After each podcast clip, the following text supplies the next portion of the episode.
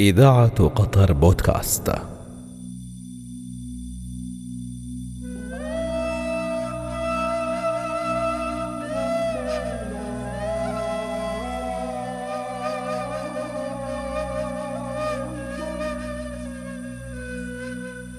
المآذن أطول ما يراه القادم من بحر الخور. سأكون معكم أنا أحمد عدنان في هذه الحلقة. مساجد الخور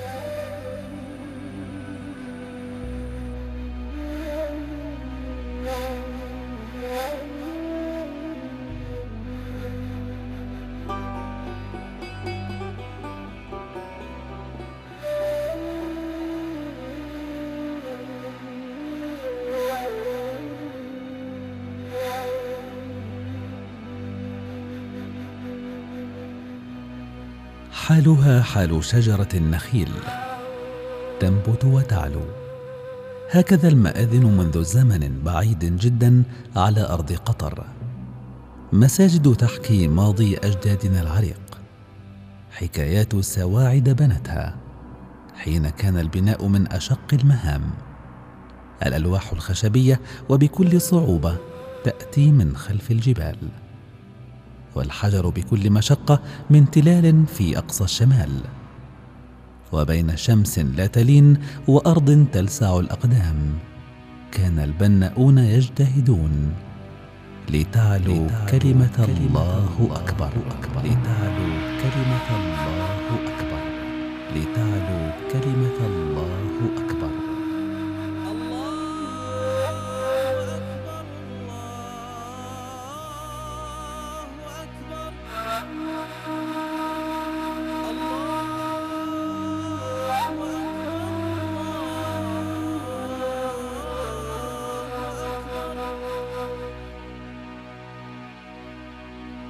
كانت الصلاة تشكل أسلوب حياة الإنسان القطري. ومن هنا برزت الحاجة لبناء المسجد في بلد كانت مجتمعاته القديمة كما اليوم متمسكة بالدين وفخورة بتراثها وقيمها النابعة من ذلك الدين. يوم كان الغوص والصيد مهنة الأجداد كان البحر مصدر الرزق الوحيد. كانت المجتمعات السكنية تتناثر على سواحله والمآذن أطول ما يراه القادم من البحر. مساجد الخور تختزن ذكرياتنا وذكريات أهل المنطقة جميعا. فلا عجب أن ترى الناس يحدثونك عنها بشغف وحنين كأنها منازلهم الأولى. هكذا يوضح الوالد عبد اللطيف بن محمد المسند.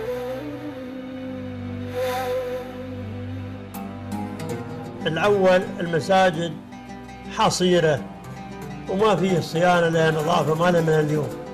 إذا شئت الجامع الأول تجلس على المحل فيه تراب أوقات تصلي على التراب ما نصلي على على حصر.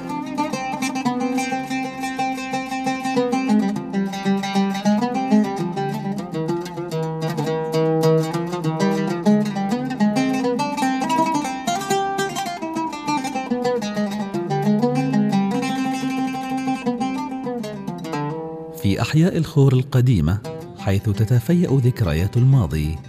ثمة أمر لم تأتي عليه رياح التغيير. إنه تعلق إنسان تلك المنطقة بمسجده حيث تخفق قلوب المصلين كلما دخلوا إلى ذلك المسجد أو مروا بقربه خفقة ملؤها الحنين. هكذا يروي سكان المنطقة. أيام الجمعة؟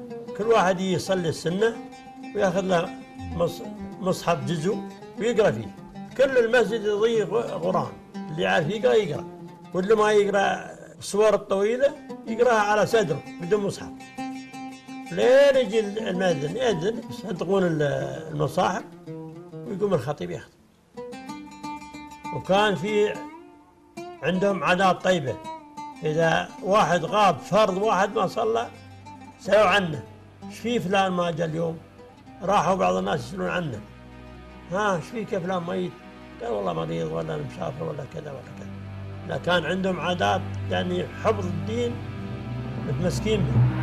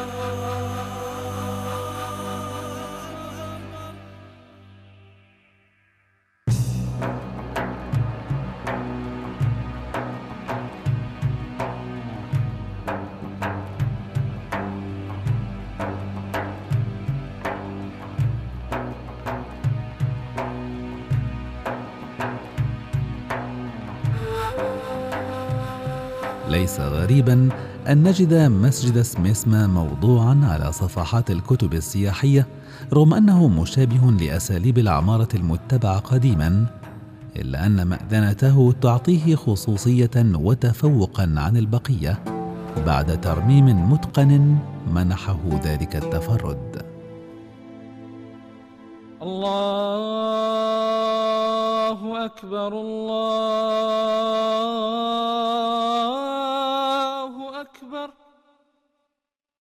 أشهد أن لا إله إلا الله.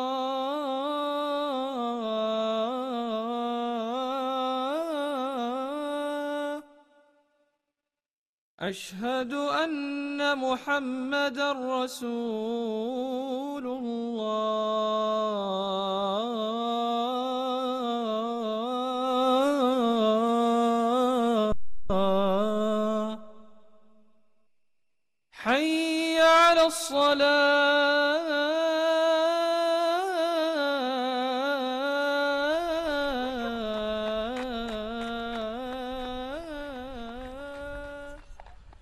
منذ وقت ليس بالبعيد كانت الدوحة غيرها الآن.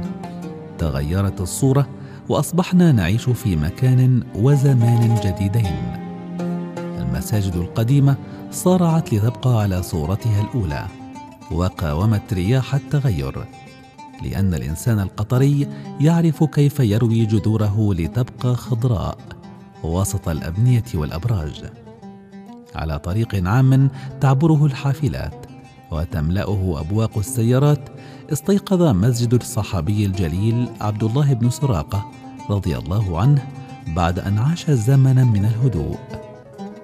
الدكتور مانع بن فالح المنيعي يتحدث عن هذا المسجد.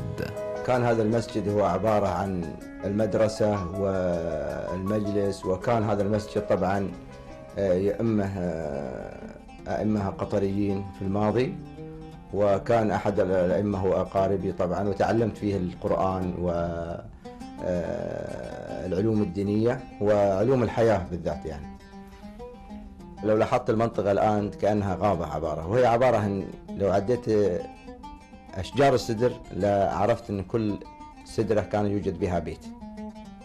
أنا من صغري زرعت شجرة سدر وما زالت موجودة بجوار المسجد لحد الآن. طبعا لظروف الزمن والتعرية من آه، الرياح وما غيره ومن الرطوبة وما غيره. طبعا آه، كانت هناك تعديلات من الداخل صارت تعديلات بسيطة ولكن آه، بالمحافظة على تصميم المسجد الطراز القديم ما زال موجود لحد الآن.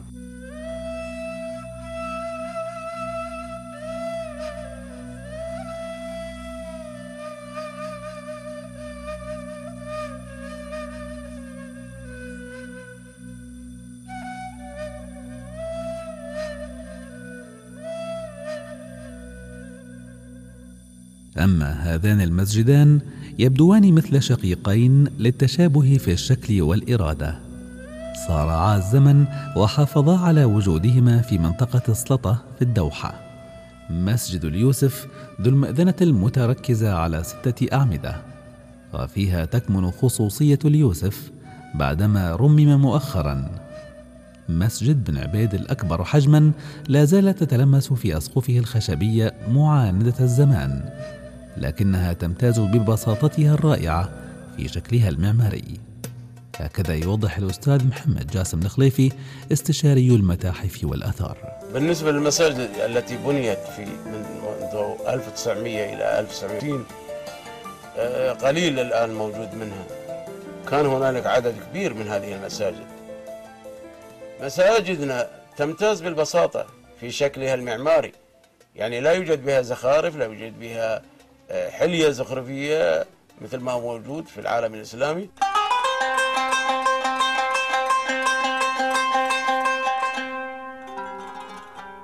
العديد من المساجد القديمة في الدوحة خضعت لترميمات متتالية وهي تضيف رونقا لفضاء المدينة ليتناغم الحديث مع القديم.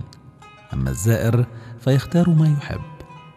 هكذا يرى سعادة الشيخ حسن بن عبد الله بن حسن آل ثاني عن مسجد الأحمد. أنا شخصيا يعني بالنسبة لي أصلي في مسجد آل أحمد اللي هو حاليا موجود في شارع آل أحمد في سوق واقف. فالصلاة فيه تجمع القصص اللي إحنا سمعناها من آبائنا ومن أعمامنا وجدودنا. فتحسس الواحد إنه كأنه عاش جزء من هذا العصر بما أن هذه المباني قائمة. نفس لما الواحد يزور في أي دولة متحف عالمي أو حاجة ويسمع القصة ويزور المبنى وترتبط عنده يرتبط عنده الماضي بالحاضر. آه، طبعا المساجد أكثريتها اعيد ترميمها. والحمد لله الدولة هنا يعني سباقه في هذا الموضوع. صار في صحوة وصارت تشيد ويعاد بنائها.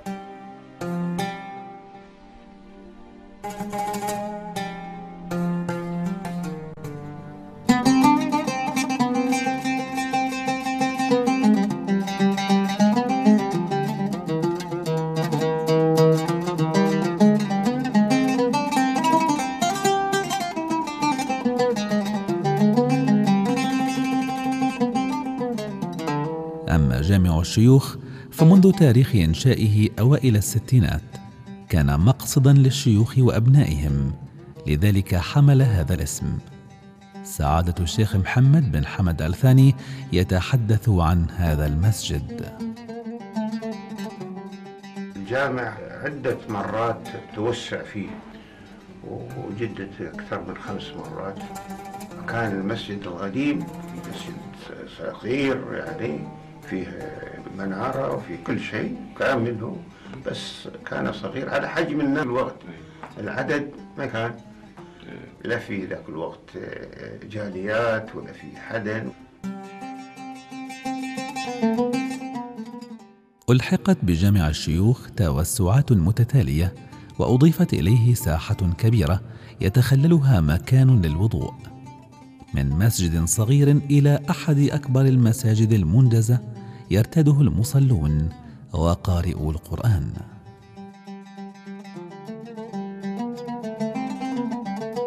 هذا جامع مهم بالنسبة للشيوخ يعني خاصة لصلاة الجمعة.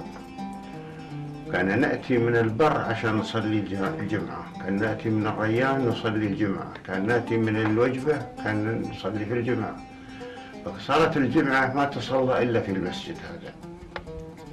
لذلك يعني تاريخه طويل. لم يغفل مهندسو المسجد استغلال النوافذ الزجاجية لاستجرار الضوء من زوايا مختلفة تحمل في طياتها ذكريات الآباء والأجداد.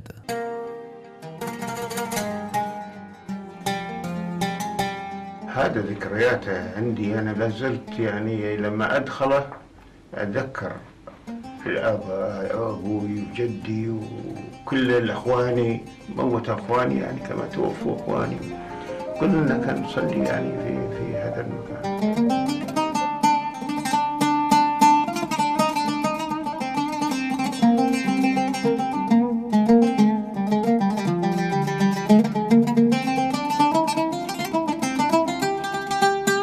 عندما بدأت المدينة تتوسع وتكبر ازدادت الحاجة لمساجد أكثر وأكبر والمساجد القديمة لم تنطوي على نفسها ولم تتأثر بل بقيت مصدر إيحاء للبنائين والمهندسين.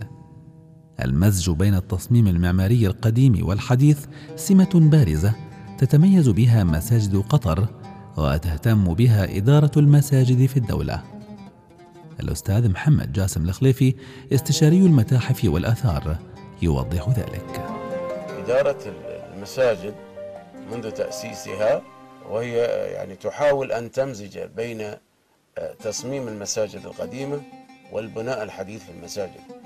فلم تنسى أيضا هي العمارة الإسلامية الموجودة في البلاد العربية فاقتبست من الاثنين ودمجتهما مع بعض فبدأ يعني بدأت إدارة الأوقاف أو آه، الناس أهل الكرم يختاروا بعض التصاميم الموجودة في عالمهم وفي بلدانهم العربية أو العالم الإسلامي مع دمج بعض العناصر المعمارية من المساجد الموجودة في قطر من حيث المآذن أو بعض الأمور الفنية.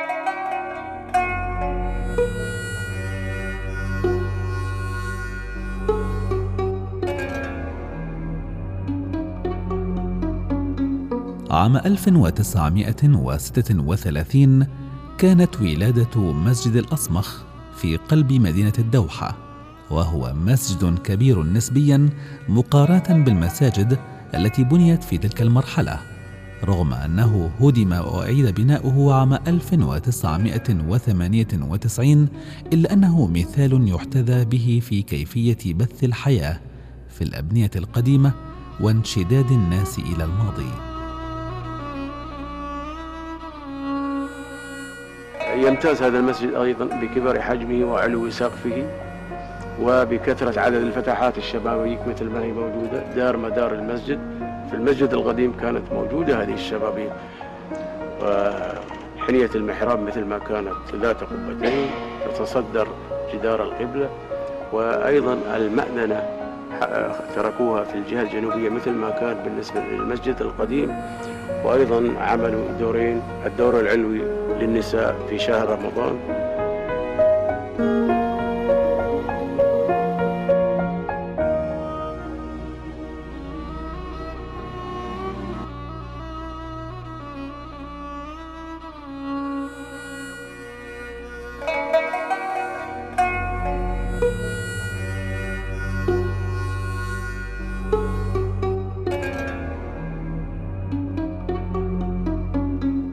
قطر اليوم مدينة تنظر إلى المستقبل. تستقطب كل ما يتماشى مع تطورها وحاجات شعبها. إذا كان قديم المساجد يعبر عن أسلوب حياة الناس فإن المساجد الجديدة كجامع عمر بن الخطاب تأثرت بركب الحداثة وأصبحت تبنى على مساحات كبيرة مستفيدة من توفر المال لتزدان بزخرفة فنية إسلامية رائعة متأثرة بتصاميم عثمانية والأهم من ذلك أن للمرأة قاعات للصلاة ولم تلغى إحدى وظائف المسجد الأساسية كونه المدرسة الأولى.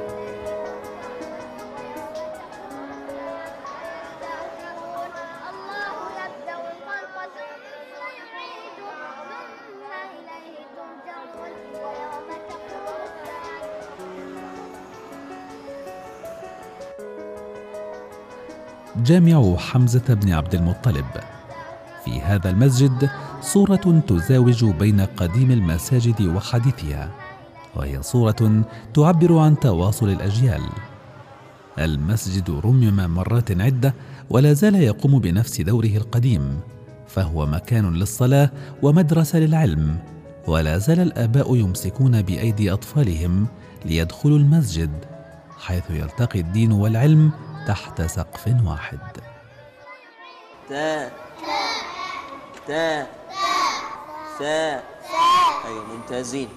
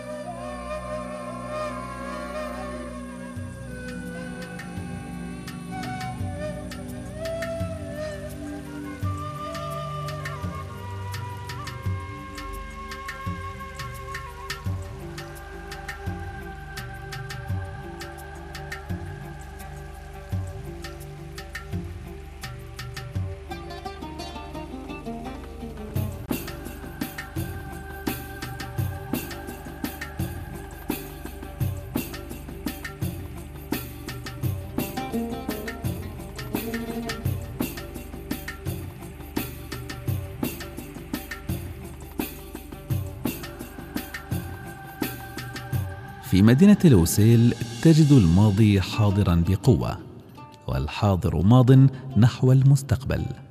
لم تتغير الحياة كثيرا. هكذا تشعر عندما تغوص في عقل قطر وقلبها. عقلها مع المستقبل وقلبها مع الماضي.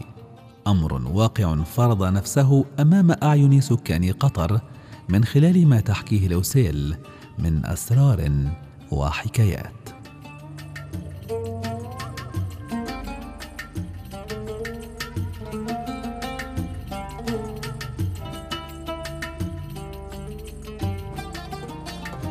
لوسيل كنموذج شاهدناه بأعيننا. أعادت لنا البهجة أنه ما زال في آه، هنالك ناس يعني يحبوا أن يعيدوا بنيانهم التراثي قبل أن يندثر إنه تراث يروي حكايات الأجداد. نشأ الشيخ جاسم رحمه الله تعالى نشأة دينية آه، فارتبط بالمساجد والمسجد خاصة ونرى ذلك جليا في طول حياته التي عاشها. وعندما انتقل رحمه الله تعالى إلى منطقة الوسيل بعد معركة الوجبة أول ما بنى مع القلعة مسجد المصاحب لقلعة الوسيل. وفي هذا المسجد كان الشيخ جاسم رحمه الله تعالى يخطب خطبة الجمعة ويؤم المصلين ويلقي فيه دروسه الوعظية. تراث معماري أصيل جسدته تلك السواعد السمراء. تشكل اليوم امتدادا لتاريخ متجذر في العمق. إذا إحنا لم نحافظ على تاريخنا المعماري الممتد على طول شبه جزيرة قطر فلن يكون لنا تاريخ.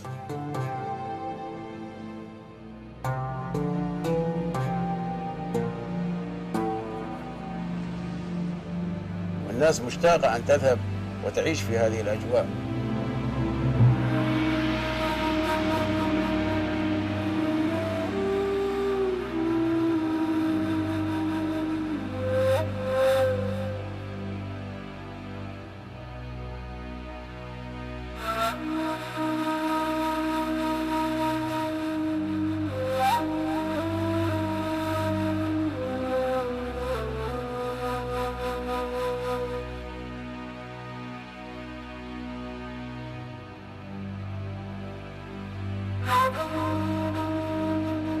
هكذا بقيت المساجد حية في ثقافتنا. هنا الكل يجتمع على الصلاة وهنا كلنا متساوون. هذا ما نعلمه لأطفالنا وهذا ما يشعرنا بالفرح. لما يكون ولدي وهو صغير جنبي وأنا أصلي أكون سعيد وفرحان ومسرور. والناس اللي الناس اللي في الجامع يفرحون به. ولدي اللي